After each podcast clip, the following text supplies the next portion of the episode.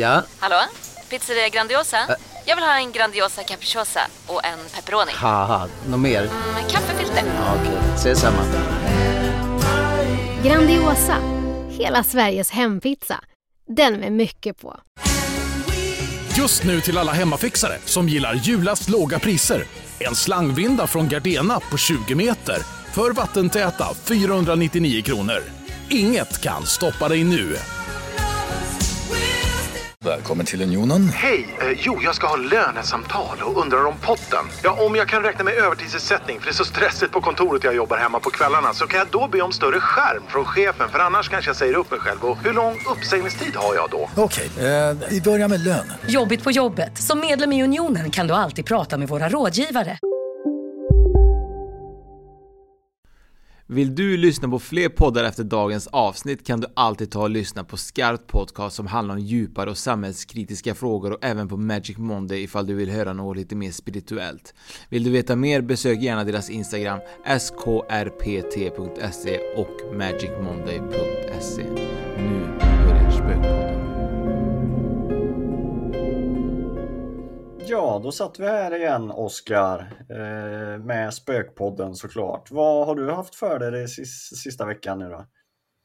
Du, jag har faktiskt haft för mig lite allt möjligt, men jag ska berätta att jag var i Tumleberg i, igår ju. Och eh, där hade de ju någonting som jag inte trodde jag skulle få se. Eh, Sveriges, en av Sveriges största myrstackar. Det var lite, var lite roligt. Ja, du åker på söndagstripp och kollar myrstackar. Ja, Det det är är, härligt. vad jag gör på, min, eh, på mina helger. Nej, men det är lite så att eh, Petras eh, mormor och morfar, de är väldigt bra på att ha sina så här eh, ljummor. Allt från så här smultronställen till eh, när det gäller kantarellplockning till att eh, kika på saker som man vanligtvis inte gör. Och när man har barn så är det jättebra att ha någon som, som vet vad man kan göra på en söndag. Skyll på barnen, jag tror du är den som är mest nöjd för att åka och titta på, på myrstackar Nej, och, det vet jag inte. och faktiskt. grejer.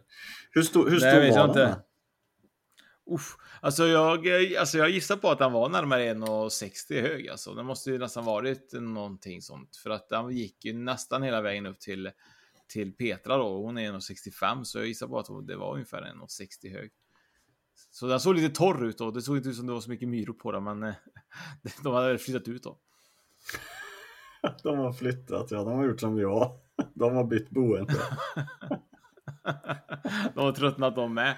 Men det var intressant och sen var det faktiskt så att det var även en plats där, det var en sån galgbacke där och eh, den gallbacken eh, var typ det var en plats för någon som hette, tror han hette typ Lars Johansson och sånt där som hade dödat någon annan. Eh, och det var den sista platsen och den sista gången de avrättade någon där 1830 tror jag det var. Något sånt där. Eh, så det var ju intressant och undrar hur mycket sådana platser det finns runt om i Sverige. Ja, men det finns ju ganska många sådana. Vi var ju på, när vi var i Skåne, där hade de ju också egen gallbacke. Kommer du ihåg det? Mm.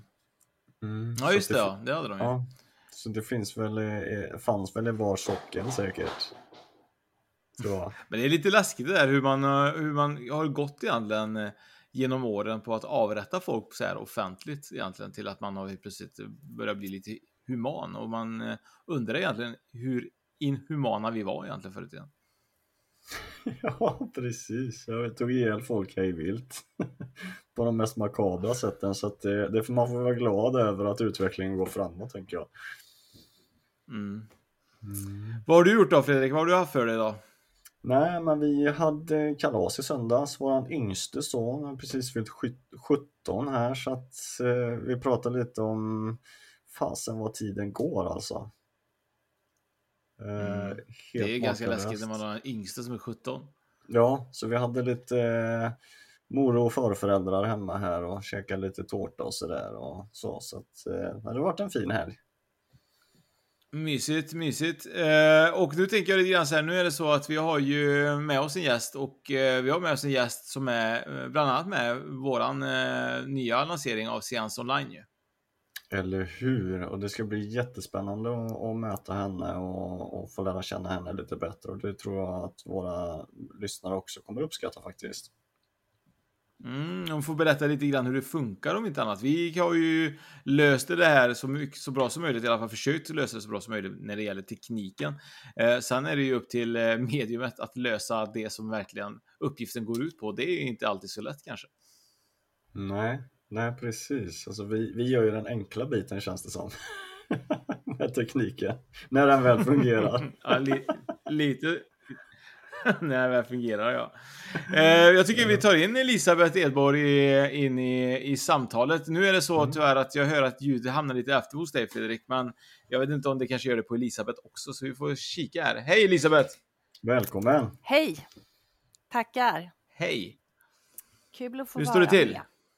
Jo, det står till bra. Jag njuter lite fortfarande efter min seans som jag hade i torsdags via seans online. Med, jag hade jag mm. nio deltagare, vilket var väldigt roligt. Uh, och själva seansen upplevde jag, ja, efter lite teknikstrul om vi säger så, så fick vi väl till det. Uh, och um, de besökarna verkade nöjda. Uh, mm. Och för min del som medium så har jag märkt att det spelar inte så stor roll om jag um, gör det på distans via seans online eller om jag eh, träffar besökarna. Det fungerar lika bra med kontakt från andevärlden som, eh, som om man ses. Så det är ingen större skillnad. Det är lite intressant. Är det någon större skillnad? Jag, ja, fortsätt. Är det någon större skillnad ifall personen sitter, eh, för det kan ju vara så, vi har ju märkt att vissa köper en biljett, eh, två biljetter och så sitter de ihop. Det gör inte heller någon skillnad att man sitter tillsammans. Nej, liksom. Nej det spelar ingen roll. Det spelar ingen roll. Eh, som ni vet så, ja, det var till och med vissa som jag inte såg mer än ett namn på, även om vi fick till en hel del ändå. Och det spelar inte heller någon roll. Det, jag får till mig vem det ska till ändå.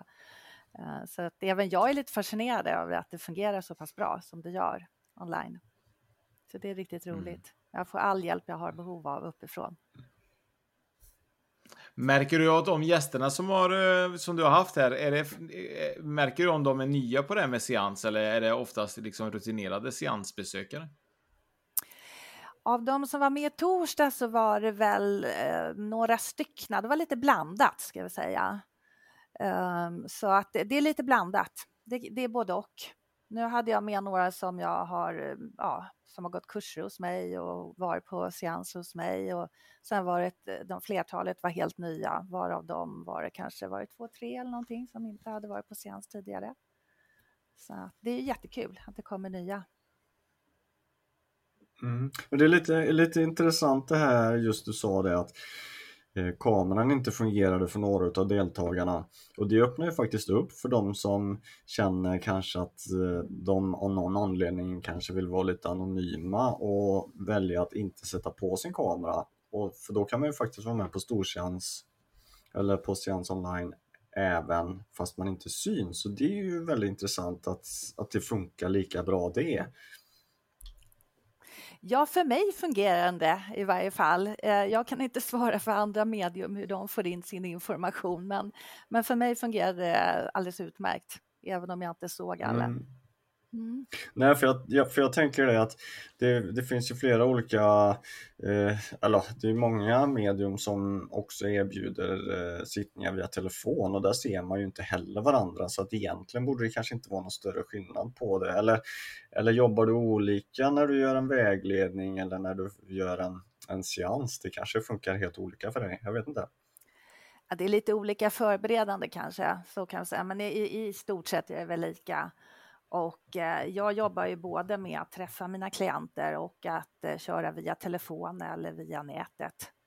Eh, och det funkar lika bra, vilket som. Det är, ingen, det är ingen skillnad utifrån vad jag upplever och inte vad mina kunder heller upplever. Sen är det alltid trevligast att träffas eller ses, så kan jag väl säga. Men det går alldeles utmärkt att, att köra på distans. Men nu är det så att eh, om man vill då träffa Elisabeth Edborg så är det så att man kan gå in på Seans Online och så kan man egentligen kontakta även Elisabeth Edborg privat också på, på Seven Stars eh, om jag minns rätt va Elisabeth va? Ja, sevenstars.nu. Så det är inte se utan det är .nu. Mm. Det går alldeles utmärkt och där ser man ja, mina tjänster och utbildningar vad jag gör. Mm, ja, en liten, en liten parentes som vi pratade om förut för er som ska kanske boka på Seans Online, det är att man eh, eh låter självklart eh, Easy Teams att eh, du får tillåta dem att visa din kamera och din mikrofon då, för annars kan det bli det här teknikstrulet som blir att man kanske inte syns då om man inte tillåter kameran och mikrofonen. Eh, att de går in och låter er eh, öppna en länk då om man säger så. Då. Så att, eh, men nu tycker jag faktiskt att eh, vi släpper seans online Fredrik och vi pratar lite grann egentligen, vem är Elisabeth Edborg? Ja, vem är jag? Jag brukar presentera mig som eh, IT-chefen som blev medium och healer. Och det ligger en hel del sanning i det. Jag har ungefär 30 års erfarenhet från IT-branschen varav chefskapet var ett av dem. Sen var jag tekniker och projektledare och mentor och utbildare så att jag har gjort en hel del olika saker inom IT-branschen.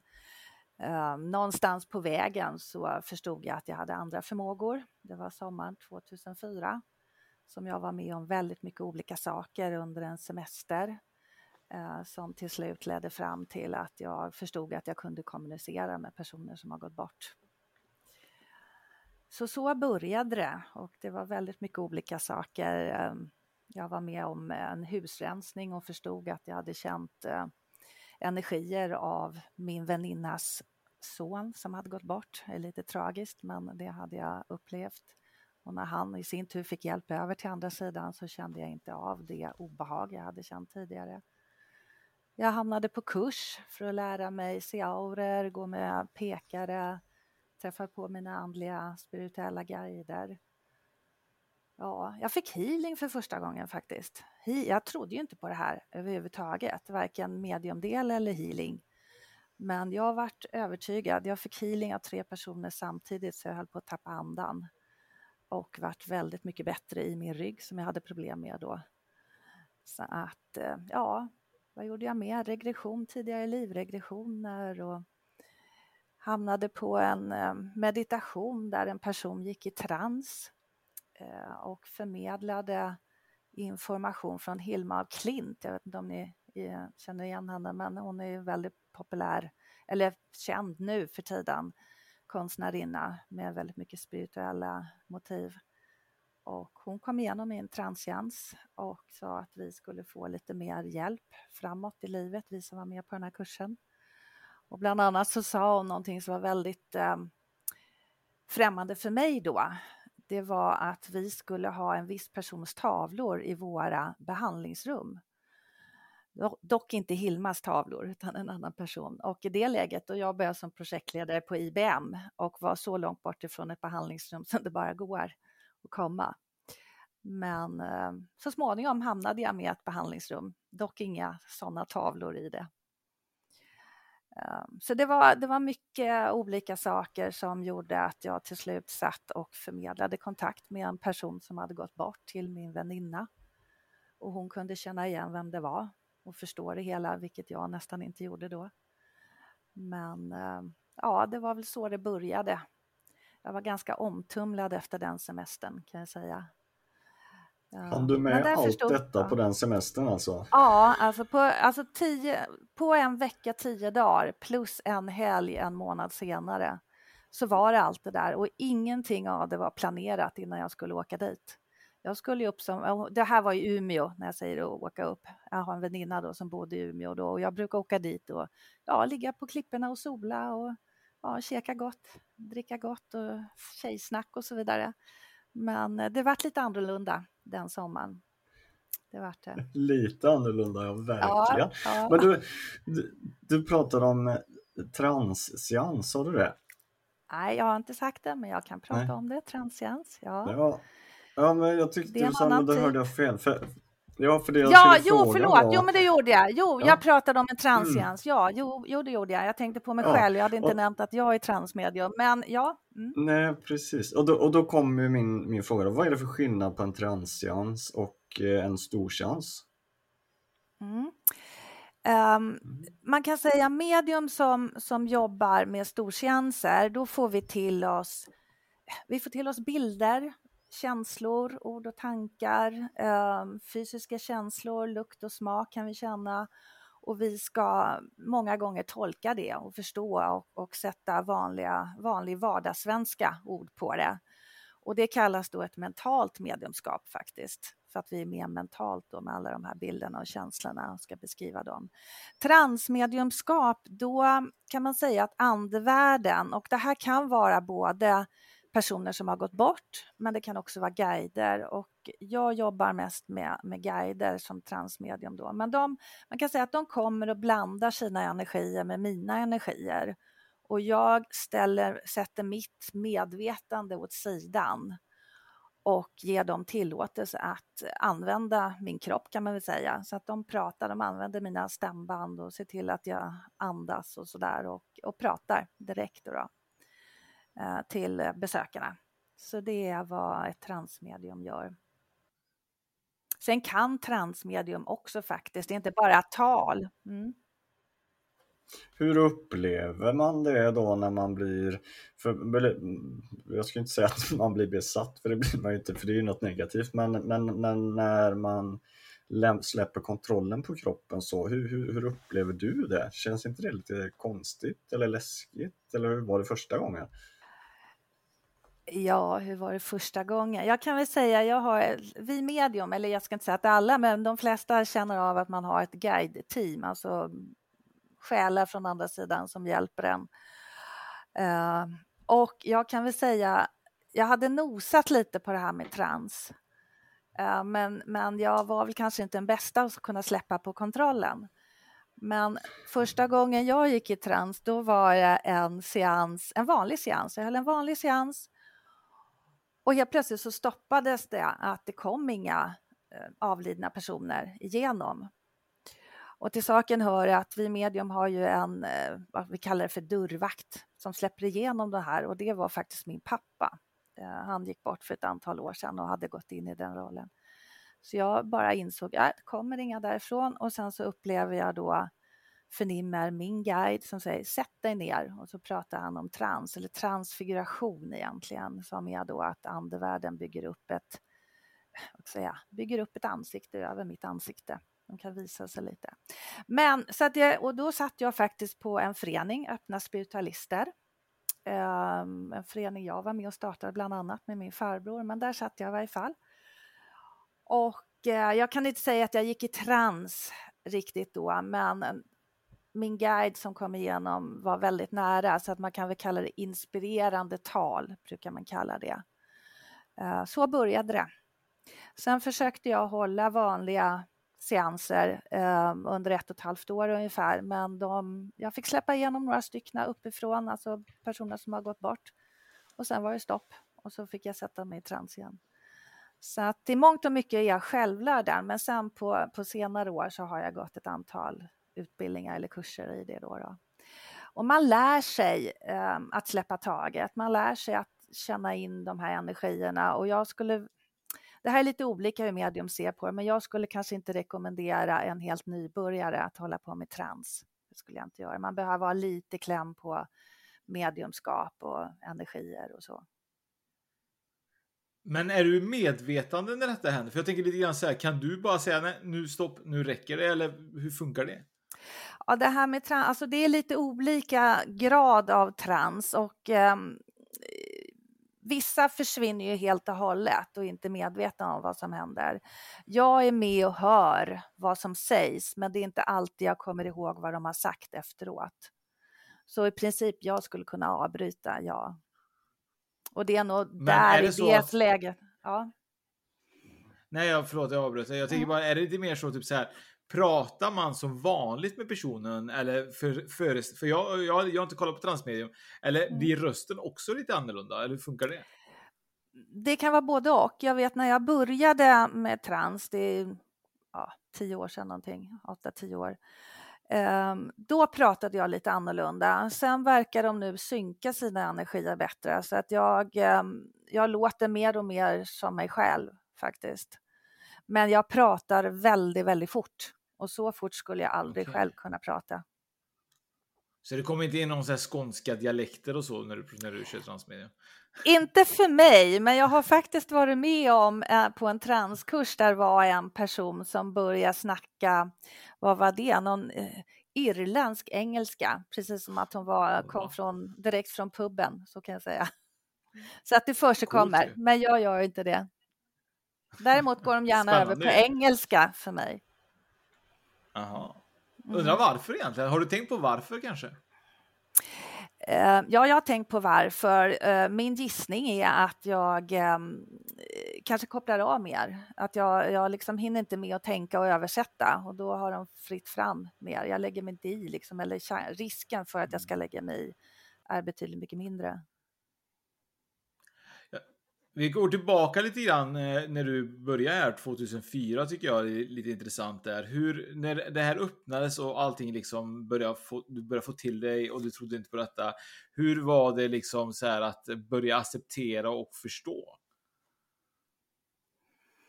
Ja, i det läget så kunde jag faktiskt dra mig till minnes att jag hade haft kontakt med andevärlden 20 år tidigare ungefär. Eh, som jag inte hade tänkt på. Jag hade känt av min farmor och mormor och sagt att nej, nu får ni försvinna. Det här tycker jag är läskigt. Ni får komma tillbaka när jag är mogen för det här, vilket då tog 20 år ungefär. Så att visst, det var ju en omställning, det var det, men jag kunde också dra mig till minnes att jag, jag reste ganska mycket under 80-talet i mitt jobb och hamnade på ja, gamla stadshotell och herrgårdar och sånt och eh, tyckte oftast det var ganska eh, ja, lite obehagligt. Jag kände mig inte riktigt bekväm med det och långt senare förstod jag ju att jag hade känt av eh, andar, då kan man säga, eller andevärlden.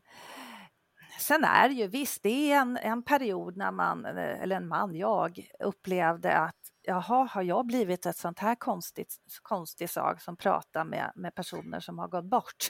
Alltså jag, som jag nämnde, jag kommer ju från IT-branschen, jag har dessutom erfarenhet, jag jobbar som läkarsekreterare så jag har ju liksom vetenskap, teknik med mig och var väldigt analytisk, fyrkantig och kontrollerande och så kommer det här in stormande då. Eh, och för mig var ju medium något som gick i ja, tingeltangel och långa sjok av tyg och, och så vidare, fjädrar och, och så. Eh, så det, visst, det tog lite tid. Det tog lite tid för mig att, eh, att acceptera, men sen så det ena ledde till det andra så att jag, det var väldigt mycket det man kallar för synkronicitetsmöten, att man möter precis de exakta personerna så att eh, till slut hamnade jag på kurs hos Iris Hall då. Och eh, det var lite kul för jag tyckte det var så roligt också det här. Det var så väldigt kul det jag gjorde. Jag, det, jag varit väldigt glad av det. Um, och det lite roliga med, jag hörde att ni hade Jörgen Gustafsson med här för ett tag sedan och uh, Iris och Jörgen var faktiskt mina första lärare som jag var på kurs hos. Um, ja, så det var lite kul.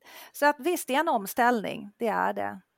Um, men jag tyckte att det var kul och ja. Sen kan men man väl säga... Upp, öppnar ja. du upp dig? Öppnar du upp dig för kollegor och så? Jag tänker som du säger, du jobbar ju med varit ändå läkarsekreterare och det är vetenskapligt och så. Eh, vågar du prata med folk i början eller var du livrädd att prata med fel personer? Jag var inte livrädd, men, men, men jag valde dem jag pratade med. Det gjorde jag ju. Det gjorde jag. Eh, men jag hade väl eh, tur att jag hade en del som ja, var intresserade runt omkring mig. Men visst, det tog ett bra tag innan jag verkligen ja, berättade om det. Det gjorde det.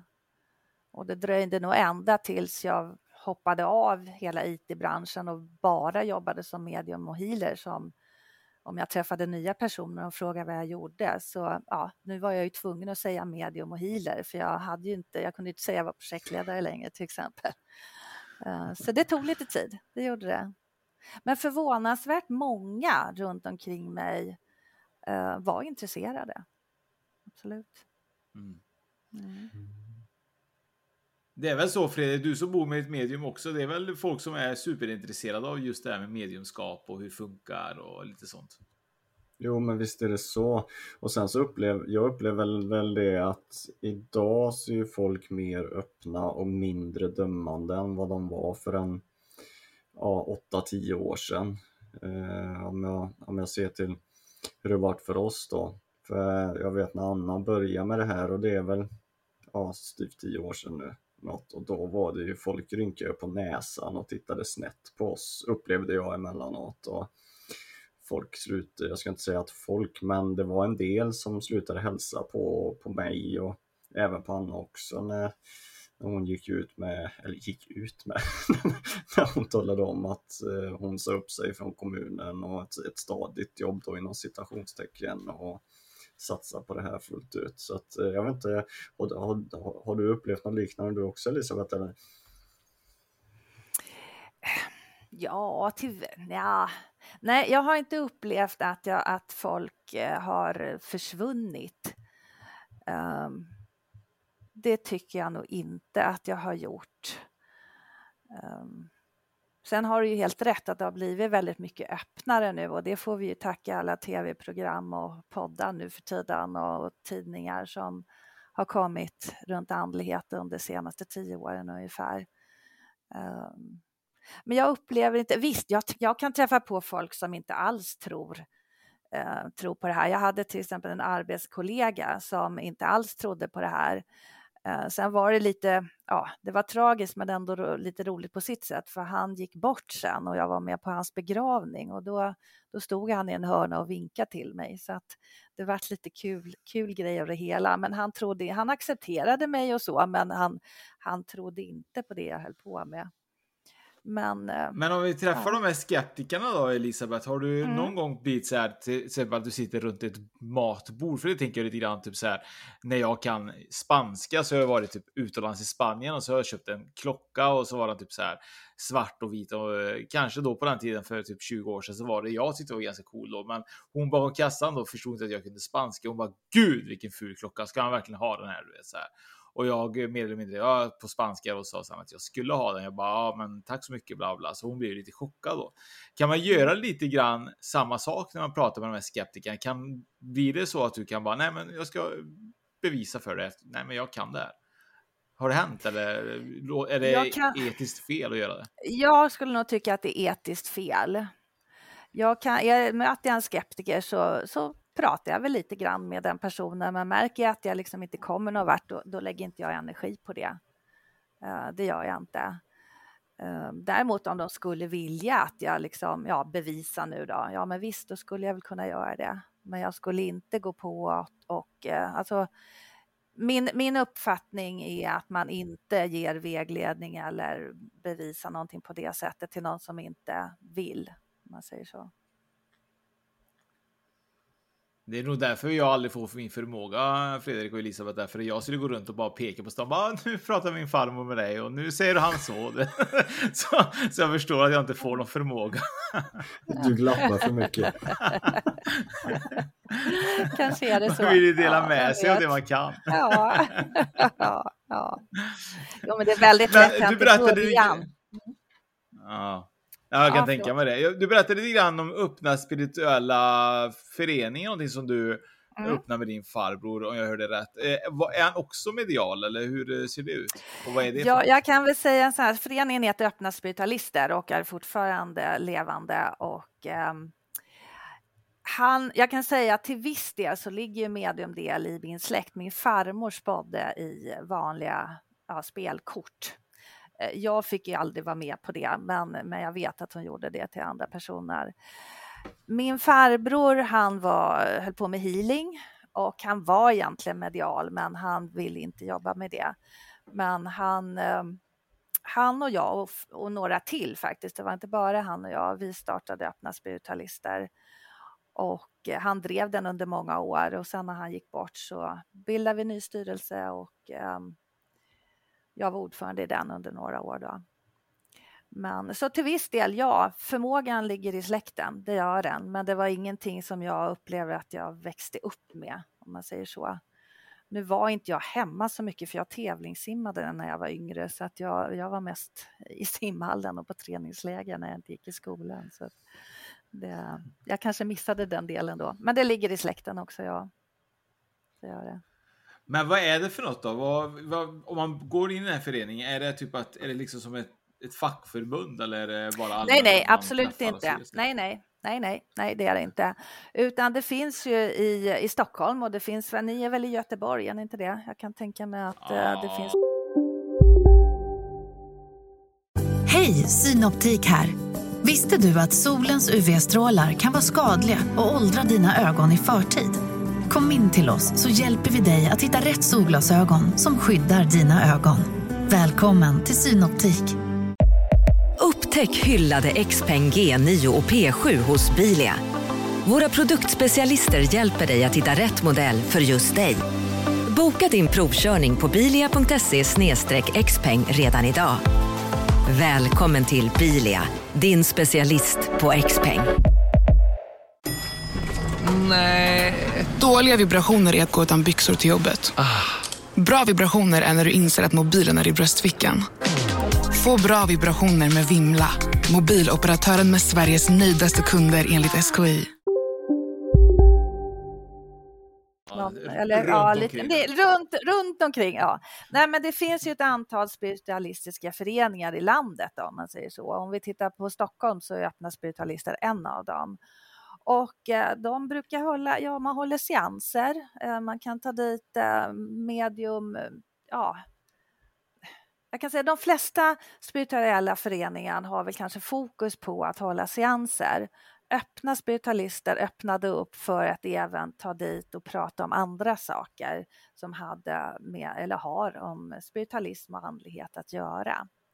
Så att eh, tidigare då, om vi pratar nu innan pandemin, då var det ju ja, träffar någon gång i månaden eller så kontinuerligt med olika eller ja, medium eller healers eller eh, ja, andra förmågor som de hade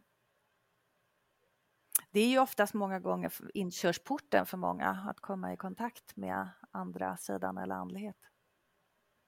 Men det, håller ni lite kurser och så också där då eller? Jag kan säga så här att jag, jag, ehm, när vi startade föreningen då var jag väl föreningens husmedium och mina kurser som jag höll blev också i, eh, ihop med föreningen. Nu har jag inte riktigt koll på det, ibland har de, har de ehm, kurser ehm, det finns andra spiritualistiska föreningar som också har seanser och en hel del mediumutbildningar också. Så att det, det kan vara lite blandat. Nu är inte jag så engagerad i Öppna spiritualister längre, utan, men jag vet att den lever kvar. Även om den kämpar som många andra just nu under pandemin. Mm. Mm. Det är ju lite så tyvärr. Ja. Faktiskt. Men eh, hur är det med, eh, med till exempel eh, eh, lite annat när det gäller din mediala förmåga. För du håller på med transmedium och du håller på med eh, seanser och även healing. Eh, vilket av dem eh, ty eh, tycker du ändå liksom känns roligast för dig? Ja, jag har väl två saker som jag tycker är roligast och det är väl ja, förmedla information från andevärlden och antingen personer som har gått bort eller guider. För jag får många gånger förmedla information som får personen att växa. Eh, att, att vad den behöver tänka på för att må så bra som möjligt och få så bra liv som möjligt. Och det tycker jag känns väldigt roligt. Sen kan jag självklart besvara frågor om ja, relationer, ekonomi, bostad och karriär och så vidare. Men många gånger handlar det om personlig utveckling och det tycker jag känns väldigt roligt och givande. Sen håller jag ju mycket kurser och utbildningar och det, det tycker jag också är väldigt, väldigt roligt. Så det är väl de två delarna som jag mest gillar i min verksamhet. Sitter du med facit egentligen på saker? För jag ska ju kolla på hus idag ju, så jag, jag vill ju veta om jag får mitt hus. Jag kan säga, ibland får jag till mig saker till mig själv då om, om uh, vad som ska hända mig. Eh, men det kan ta lite tid. Jag kan säga, jag är mitt uppe i en förändringsfas just nu som jag har fått information ifrån, alltså det är säkert minst fem år tillbaka i tiden. Nu börjar det hända. Eh, sen självklart så springer jag som alla andra och frågar mina guider, vad, ska jag göra här ungefär? Ska jag köpa det här huset eller ska jag gå den kursen eller ska jag göra det och detta? Eh, jag är inte mer än människa om man säger så. Spännande. Men för vi har ju träffat eh, flera medium tidigare, jag och Oskar. Och många utav dem, eh, jag ska inte säga att jag har råkat ut för trauma, men, men det har hänt ganska omvälvande saker i, i deras liv som har gjort att de har eh, mer eller mindre halkat in på ett bananskal med sin andlighet.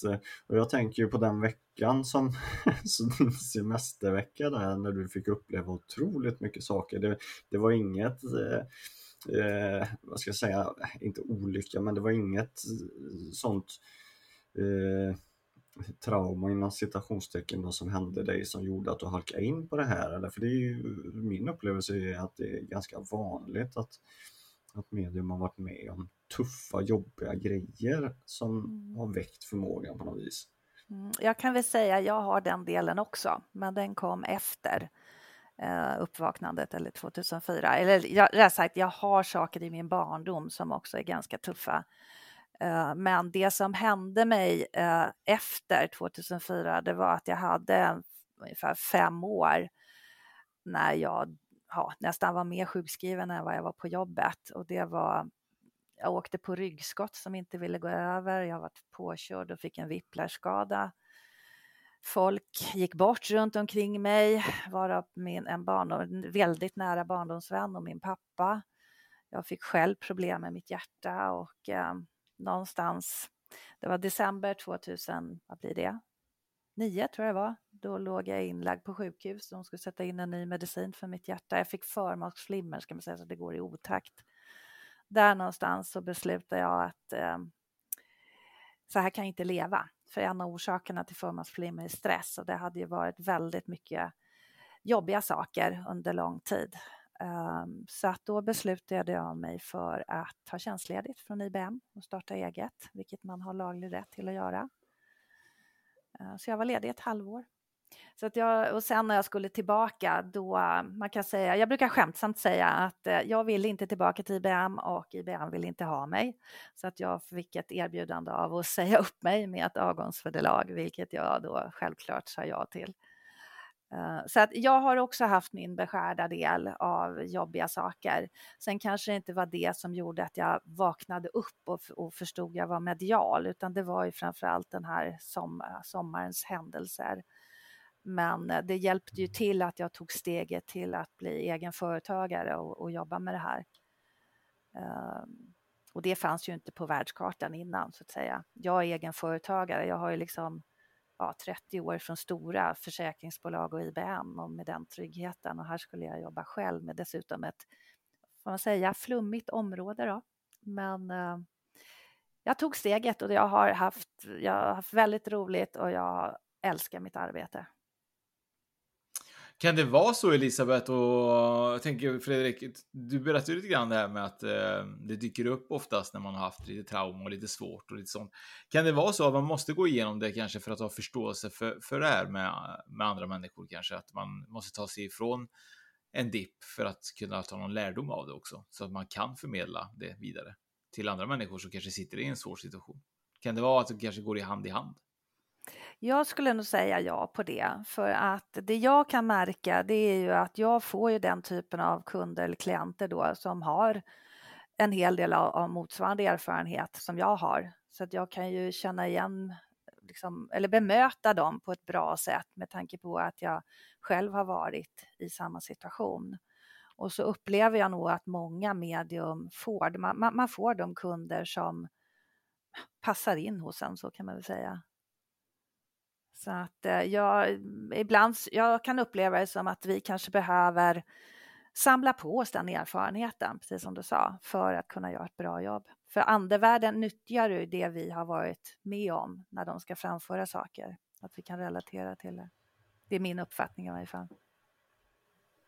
Ja, ja det känns ganska logiskt som du säger, för det, det det är ofta det, eller ofta, man får höra det också just det att, och det är ju lite som du säger det att, att kunna leverera, för många gånger så kan jag tänka mig att det inte bara eh, lottovinster och, och, sånt man får till sig och ska leverera utan det kan ju vara tuffa saker och då, då vill det ju till att man ska kunna tolka och, och lämna budskap på ett sätt som, som kanske inte eh, Eh, river, eh, river upp och bryter ner för mycket, även fast det är tunga saker som, som man kanske måste eh, eller som andevärlden vill, vill ge besked om så att man ska kunna lämna saker bakom sig och gå vidare och ändå kunna känna sig stärkt efteråt, tänker jag.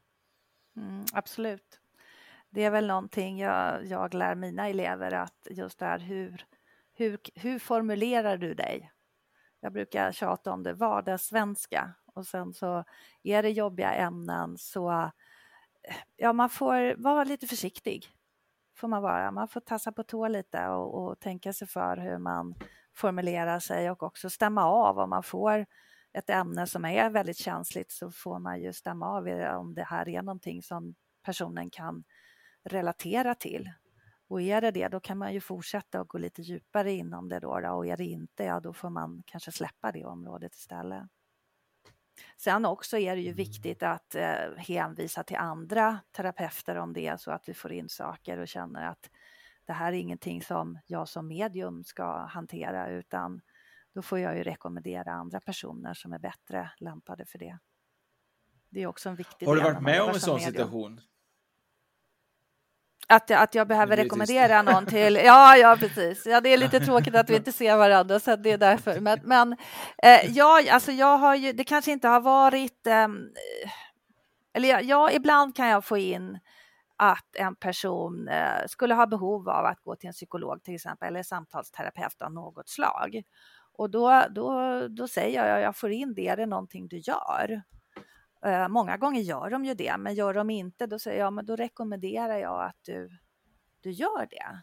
Sen är det ju med all vägledning, oavsett om det kommer från en nära och kär på andra sidan eller guider, så är det ju ska man säga, vägledning, råd, tips. Sen är det ju upp till mottagaren, alltså min kund, att eh, ta det till sig och göra någonting av det eller inte. Det, Mm. det är deras liv det handlar om, så att säga. Det är lite grann som när jag säger att jag inte ska äta någonting för jag ska gå ner i vikt och så, så säger Fredrik du måste ju äta annars funkar ju inte kroppen. Jag bara, men nej, fan, ju mindre man äter så bättre är det. Även vet jag att jag gör fel, men jag fortsätter ändå i samma mönster. Men det är ju lite grann för att man är ju lite byggd på att man försöker ju helst lyssna på sig själv. Jo, Ja, jo, jo. Men det kan vara bra att ta till sig lite råd från någon annan också och blanda det, absolut. Ja, Oskar han har ju de här mest fantastiska dieterna. Det är ostdiet och korvdiet och jag vet inte allt. Nu har jag en ny diet. Jag har papri paprika, paprikadiet nu. Lycka till! Ja, jag säger detsamma. Ja. Men Elisabeth, du har ju säkert varit med om mycket roligt och mycket tråkiga saker också självklart. Men du, har du varit med om någonting där det blivit så här? Oj, det här var inte jag beredd på. Det här var liksom en twist i det hela, liksom när jag träffade någon eller när jag åkte på en eh, husrensning eller vad som helst. Har du någon sånt som du minns? Jag kan väl säga, jag, jag, gjorde, ja, jag gjorde en husrensning som blev ett reportage i tidningen Nära för några år sedan och vid den husrensningen då träffade jag på så mycket olika energier kan jag säga. Eh, det var, det var självklart personer som hade fastnat, gått bort och sitter fast emellan som fick hjälp över och sen var det några som eh, faktiskt har gått in på andra sidan och, och hälsade på och jag fick förmedla budskap från det. Men sen var det också ja, de, alltså, små bollar som energier eh, som låg under sängen hos de här som bodde där så de ty- ville inte sätta ner fä- fötterna på golvet till exempel. De kände obehag av det. De var nog ganska beskedliga utan bara ja, de var nog ganska beskedliga. Men sen jag kom in, det här låter ju inte klokt, men jag öppnade en klädkammare och eh, det låter ju som sagor när man berättar. Men då upplever jag, eller förnimmer då, då att jag ser ett eh, antal skelett med kläder på, ungefär som eh, Michael Jacksons thriller, lite så hänger där och de far iväg om nätterna ut någonstans och så kommer de tillbaka och hänger där på dagarna och alltså de fick jag ju också hjälpa över och var, riktigt vad det var för, för saker det kan jag inte svara på men det var högst onormalt att träffa på kan jag säga. Ja, Men till exempel de här som- skeletten ja. då som De här skeletten då som du upplevde i garderoben. Mm. eh, Ja, det låter helt sjukt. Mm. kan, kan, det, kan, det, kan, kan, det vara- kan det vara så här att, man, att de i huset har för många skelett i garderoben? Kanske det. ja, den där bjussar jag på. Kanske det, vem vet. Jag kan säga hela den, där deras bostad var i ett område med väldigt mycket energier. Eh, så att jag fick till slut eh, rekommendera dem att, att flytta faktiskt, vilket jag tror att de gjorde så småningom. Eh, för dem. Sen är det ju så också när man gör husrensningar att de, många som man kommer till är ju mediala och inte riktigt medvetna om det. Och då upplever jag att många av dem drar till sig andar. Det, jag brukar säga till mina elever liksom att ja, men vi har som en, vi som är mediala och öppna då, vi, vi, ehm, vi har som en lampa på huvudet som lyser och där kan andevärlden säga, ja men titta, där lyser det, henne kan jag, eller honom kan jag få hjälp av. Och sen kanske inte personen vet om sitt medium, ja, medialitet och förmågor och kan ju inte göra så mycket, men de ändå drar till sig. Ehm, så att eh, där får jag ju många gånger tipsa om kurser, utbildningar och lite grann att de kan dra ihop sina energier som inte blir riktigt lika känsliga och så. Vad har du för guider som hjälper dig? Många har ju lite olika. Är det familj eller är det något helt annat? Det är lite blandat. Ehm, som jag nämnde, min pappa, han gick bort ifrån, ja, när var det då? 2007 tror jag. Han kom tillbaka så småningom och är en av mina huvudguider kan jag säga. Sen har jag, eh, sen är nog, rest, ja min mamma gick ju bort för några år sedan också, hon är med också på ett hörn. Men sen har jag ett gäng med um, guider som eh, inte har, inte har um, vad ska man säga, ankny eller ja, de har, jag har inte levt tillsammans med de här på jorden. Så kan man säga. Inte, inte i det här livet. Så, jag kanske har levt tidigare liv med dem, men inte i det här livet. Eh, och de har lite olika funktioner. Jag brukar kalla att jag har en personlig guide som då hjälper mig i min vardag. Men sen har jag då, jag pratade jag var transmedium, då har jag ju en, en guide som är inriktad på det. Jag hade min pappa och var, var så kallad dörrvakt när jag gör storseanser. Ehm, jag har en guide som är med när jag håller utbildningar. Eh, ett antal olika guider som är med när jag ger healing. Så att, eh, och då, de, de ser jag mer eller förnimmer som energier som, som jag inte har levt med här. I det här livet ska jag poängtera. Mm. Har du något tips på hur man kan bära sig åt för att få kontakt med sin guide om man inte har fått det tidigare? För jag vet, jag har ju prövat några gånger att Mm. få kontakt med min guide och genom lite här meditation och eh, såna här guidade meditationer. Men det varje gång slutar med att jag somnar. Det, Okej. det, slår, det, har, det har inte slått fel hittills. Jag har prövat några gånger och jag tuppar ju av de här meditationerna. Alltså. Det är så Okej, sövande ja. på något vis. Jag, jag hinner aldrig träffa honom eller henne. Nej, nej, annars är det oftast ett bra, bra redskap att, att eh, träffa på dem. Men jag kan väl säga så här att, att eh, börja lyssna på dem. Eh, börja lita på din intuition, vad din mage säger. Det, det brukar vara ett bra första grej att, att liksom eh, få information och lyssna på den ifrån sina guider. Sen kan man ju använda pendel och pekare och ställa ja och nej-frågor till exempel. Och då måste man ju också ta reda på eh, och hur pendel, om vi tar en pendel till exempel, hur den reagerar om det ska vara ja eller nej. Så då får man ju fråga, okej kan jag få ett ja? Och då för min del så snurrar min pendel, eh, vad blir det då, medsols och nej motsols. För någon annan person kan det vara tvärtom. Så att, och då kan man ju ställa frågor som de kan besvara med ja och nej. Man ska dock vara tydlig med sina frågor så att man är specifik i dem. Um, jag kan säga, ibland kan jag fråga, får jag min, eh, min stjärnkursen fullbokad? Ja, säger de, och så får jag inte det. Och då, då kanske jag borde säga, ja, får jag stjärnkursen den 3-4 september? Får jag den i år? Får jag den fullbokad? Så att man behöver vara ganska tydlig där. Ehm, sen är det ju att gå kurser. Gå kurser och lära sig mer om medium, nej om, om guider. guider. Kan det vara så? Jag har ju börjat uppleva den senaste månaden faktiskt att jag ser eh, någonting i ögonvrån eh, väldigt mycket. Eh, kan det vara guide eller är det typ en demon? Ska du ta, ta till ytterligheter du. Det kan vara en guide, det kan vara någon när och kär från andra sidan som är där. Eh, jag kan väl säga, jag, jag har lite svårt för demoner så tillvida att jag inte riktigt tror på dem, men jag vet ju att folk gör det absolut. Eh, och jag har haft kollegor som har jobbat med det, men, men jag tolkar många gånger att det vi upplever som demoner är personer som har gått bort och sitter fast och inte har kommit över på andra sidan, för de har oftast ganska jobbiga energier och inte alltid så mm. glada åt att vi är i deras hem och så vidare. Men det du ser jag i ögonvrån, inte... ja. mm, det, absolut, jag känner det är så ingenting. det börjar. Jag, ja, jag känner inte typ att det är något ont liksom. Det känns bara som att jag eh, som jag ser det. Och det konstiga var häromdagen, det var jättekonstigt, eh, eller häromdagen var det någon vecka sedan. Då var jag i vardagsrummet här där jag sitter just nu då och jag höll på med någonting och det konstiga var att jag helt plötsligt när jag kollade mig omkring så såg jag eh, eh så här, vet du, som solstrålar ifrån mina ögon. Det var jättekonstigt. Jag, vet inte, jag, blev, jag, bara, jag började bli yr eller vad är grejen. Men det var, vad jag än tittade så var det så, så, som solstrålar som strålade ut från typ ovanför mina ögon. Vad är det för något? Ja, det undrar jag också.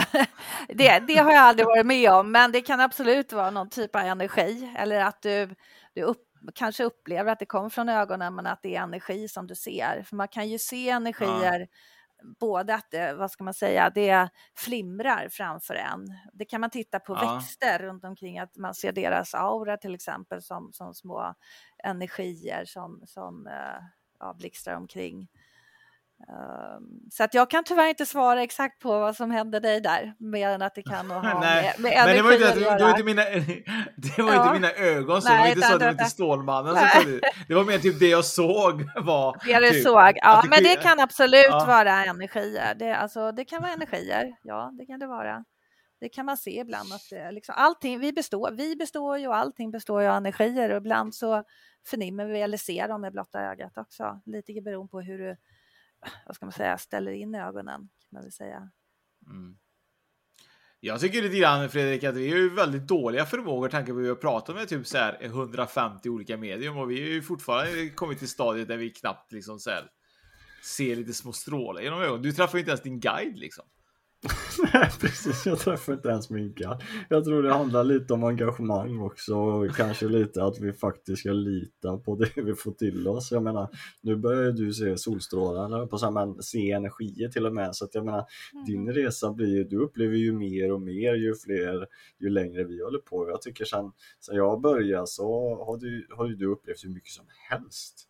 Oh ja. Om, om ja, du ja. tänker efter. Det, det har hänt jag, någonting. Ja. Men jag har upplevt mycket sen jag var liten, så jag vet inte om det varit så att man har stängt ner sig själv och sen eh, är det så att man börjar liksom kanske eh, acceptera eller förstå eller vara orädd för, för det här lite mer så att man på något sätt kanske också eh, får till sig mer saker för att man kanske skulle egentligen kanske jobbat med det här någon gång i livet och det kanske inte kommer du, kanske kommer 10-15 år, vem vet? Jag, jag har ingen aning var resan slutar, men eh, man förstår ju i alla fall att det finns någonting utöver det vanliga som många inte ser. Liksom. Mm. Det är väldigt vanligt. Ja, att, eh, jag skulle vilja säga att folk är, när vi föds är vi mediala, men de, väldigt många stänger ju ner 6-7 års åldern eller i tonåren. För att sen en del av oss öppnar upp senare. Då. Mm. Min son har ju blivit, eh, han är ju ganska medial. Han eh, upplever ju väldigt mycket och får mm. kontakt på, på det sättet. Och han är ju ganska orädd för det, men han tycker nog att det är väldigt läskigt ibland på kvällen, för då tycker han att det står någon i, i hans rum och tittar på honom, säger han, och så blir han mm. äh, lite rädd då. Så att, äh, det är lite svårt när man har barn, det där har vi pratat om förut, det är lite svårt för dem att, äh, att förstå eller kanske veta hur de ska göra. Det är det som är svårt som förälder. Ja, jo, jo det förstår mm. jag. Det är det. Så att det är ju någonting Egentligen, som... Ja, det, mm vara så naturlig som möjligt med det, så kan vi säga. Mm. Och framförallt, eh, eh, vad ska man säga, eh, tillåta dem att uppleva och känna istället för att säga nej, glöm det och det är bara dina fantasier, mm. utan mer bekräfta dem, det tror jag kan vara bra. Men visst, det kan ju vara Det vore obehagligt dumt. för dem. Det vore dumt ifall jag sa nej, nej, det finns inga spöken och så håller man på med spöken. Nej. Typ. nej, nej, det Ja, finns nej, inga. det är nog inte så finns bra. Ingenting. det finns ingenting här. Ingenting att hämta här nej. Det finns ingenting att hämta. Elisabeth, innan vi avrundar Ja. det så, så får du jättegärna berätta lite grann eh, vart egentligen eh, du finns, kanske i vilken stad. Eh, det kan vara bra ifall någon kanske vill träffa dig i IRL framöver i verkligheten och vart man kan boka dig och, och så vidare. Mm. Eh, Jag eh, befinner mig i Stockholm. Eh, Där tar jag emot, men jag gör som sagt var väldigt mycket på distans också. Man hittar all information på min hemsida, sevenstars.nu och via den sidan kan man också boka mig och då hamnar man på Boka Direkt, det bokningssystemet. Och eh, kommer du finnas på plats på eh, tidningen Näras kryssning? Kommer du vara där eller kommer vi träffas där kanske? Nej, tyvärr inte. Jag, ehm, tyvärr måste, det här är en svaghet hos mig, men jag blir eh, sjösjuk på stora fartyg. Så det är ingen idé för mig att försöka jobba där. Eh, Jag har seglat i väldigt många år, så jag har varit jättemycket på sjön, men de här stora eh, ja, båtarna, det blir för mig som att gå in i ett hus och huset vibrerar och eh, det klarar inte mitt balanssinne av. Eh, Så att jag mår inte så bra då och då törs jag inte sätta mig och jobba. Det blir oftast inget bra då skulle jag gissa. Så tyvärr, jag kommer inte vara med där. Ja, Utan man får träffa mig i Stockholm eller man får träffa mig eh, via nätet. Får man göra. Eller telefon gör jag också det- saker. Mm. Det blir ju jättebra det Annars- med. Men vi kommer, ju, vi kommer vara med ju Fredrik. Ni kommer vara med, ja vad härligt. Ja, vi, ska, vi ska åka på nära kryssning ja. Ja, och ja. köra lite live, livepodd och Mm. eh, mingla runt med, med, med folk och, och fä. Så det ska bli riktigt spännande. Ja, ja. Jag har varit med som Så besökare för er-. Mm. Ja. Mm. Och, Det är eh, men trevligt, inte det är en trevlig kryssning. Ja. Nej, ni var, ni var Nej, nog nu inte kommer- påtänkta då. Nej, vi var ju inte det. Och nu, nu kommer det bli, nu kommer det bli sjuk resa när spökpodden är med. Det kommer vara typ så här, alla kommer att Ja. dansa på borna och alla medium kommer att vara dyngraka och nej, det ska jag bara. Så kommer. Nej, men det kommer bli fantastiskt kul för er som Ja. kommer eh, komma till eh, kry- kryssningen den 17 och 18 oktober. Får jättegärna komma fram och prata med oss på, på Spökpodden och eh, berätta lite gärna om ni har några tankar och idéer om, eh, om vad vi kan ha för med för gäster eller om ni har själva haft upplevelser. Så var inte främmande och rädda för att komma fram. Var inte, var inte blyga. Var inte blyga, vi är, vi är snälla. Och eh, för er som vill boka Elisabeth på seansonline.se går det jättebra. Vi har inte kommit ut med något nytt datum riktigt än, men det kanske vi har gjort efter det här avsnittet har släppts. Så finns Elisabeth tillgänglig på Seans online och eh, vill man gå in och eh, läsa lite mer om Spökpodden kan man göra det på spökpodden.se. Så Mm. in och följ även Elisabeth. Vad heter du på sociala medier? Förlåt, vad sa du? Du har också sociala medier, va? För Ja, Instagram ja, ja, ja, ja, ja, jag är på Instagram, och jag är på Facebook och jag är på Youtube. Uh, Mm. Och Youtube, är jag- spännande. Det kan man gå in och följa Elisabeth kanske. Vad heter du där då? Seven Stars, Elisabeth Edborg. Där har, det är ett tag sedan jag var med där nu, men, men jag ska försöka få fart på det igen. Men där gör jag eh, mediala vägledningar där man får välja ett kort eh, som har hamnat i en viss grupp och så ger jag lite information för respektive kort eller den gruppen. Kul! Det får vi gå in och kika och prenumerera på tycker jag. Och man kan gå in självklart på Youtube och eh, följa Spökpodden också där vi gör lite olika saker. Och vi har ett kommande projekt nu Fredrik som heter eh, som är med void.se tror jag va? Ja. Och eh, där kommer vi släppa, tanken är att vi ska släppa en halloween special som jag ska gå in och kika på den när den släpps framöver. Ja, det får ni inte missa. Det kommer bli, det kommer bli bra. Ja, vi kommer gå och köra bus eller godis i kostym jag och Fredrik. Ja, spökkostym. Spökkostym. Nej, vi får avrunda här tycker jag. Fredrik, vad tycker du? Absolut, ja men det gör vi. Vi får tacka Elisabeth så hemskt mycket för att hon var med och det var ju superintressant det här. Mm. Tack själva att jag fick vara med. Jättekul. Och för att ni Ja. kontaktade mig för Seans online. Jätteroligt. Ja, det är klart. Du är ju jätteduktig. Så, så in och eh, följ alla våra sociala medier och tack för att ni har lyssnat idag. Mm. Tack ska ni ha. Tack. Du, åker på ekonomin. Har han träffat någon? Han ser så happy ut. Var det onsdag? Det är nog Ikea. Har du dejtat någon där eller? Han säger att han bara äter. Ja, det är ju nice alltså. Missa inte att onsdagar är happy days på IKEA. Fram till 31 maj äter du som är eller blir IKEA Family-medlem alla varmrätter till halva priset. Välkommen till IKEA. En nyhet. Nu kan du teckna livförsäkring hos Trygg-Hansa. Den ger dina nära ersättning som kan användas på det sätt som hjälper bäst. En försäkring för dig och till de som älskar dig. Läs mer och teckna på trygghansa.se. Trygg Hansa. Trygghet för livet. Hej, Susanne Axel här. När du gör som jag och listar dig på en av Krys vårdcentraler får du en fast läkarkontakt som kan din sjukdomshistoria. Du får träffa erfarna specialister, tillgång till lättakuten och så kan du chatta med vårdpersonalen. Så gör ditt viktigaste val idag, lista dig hos Kry.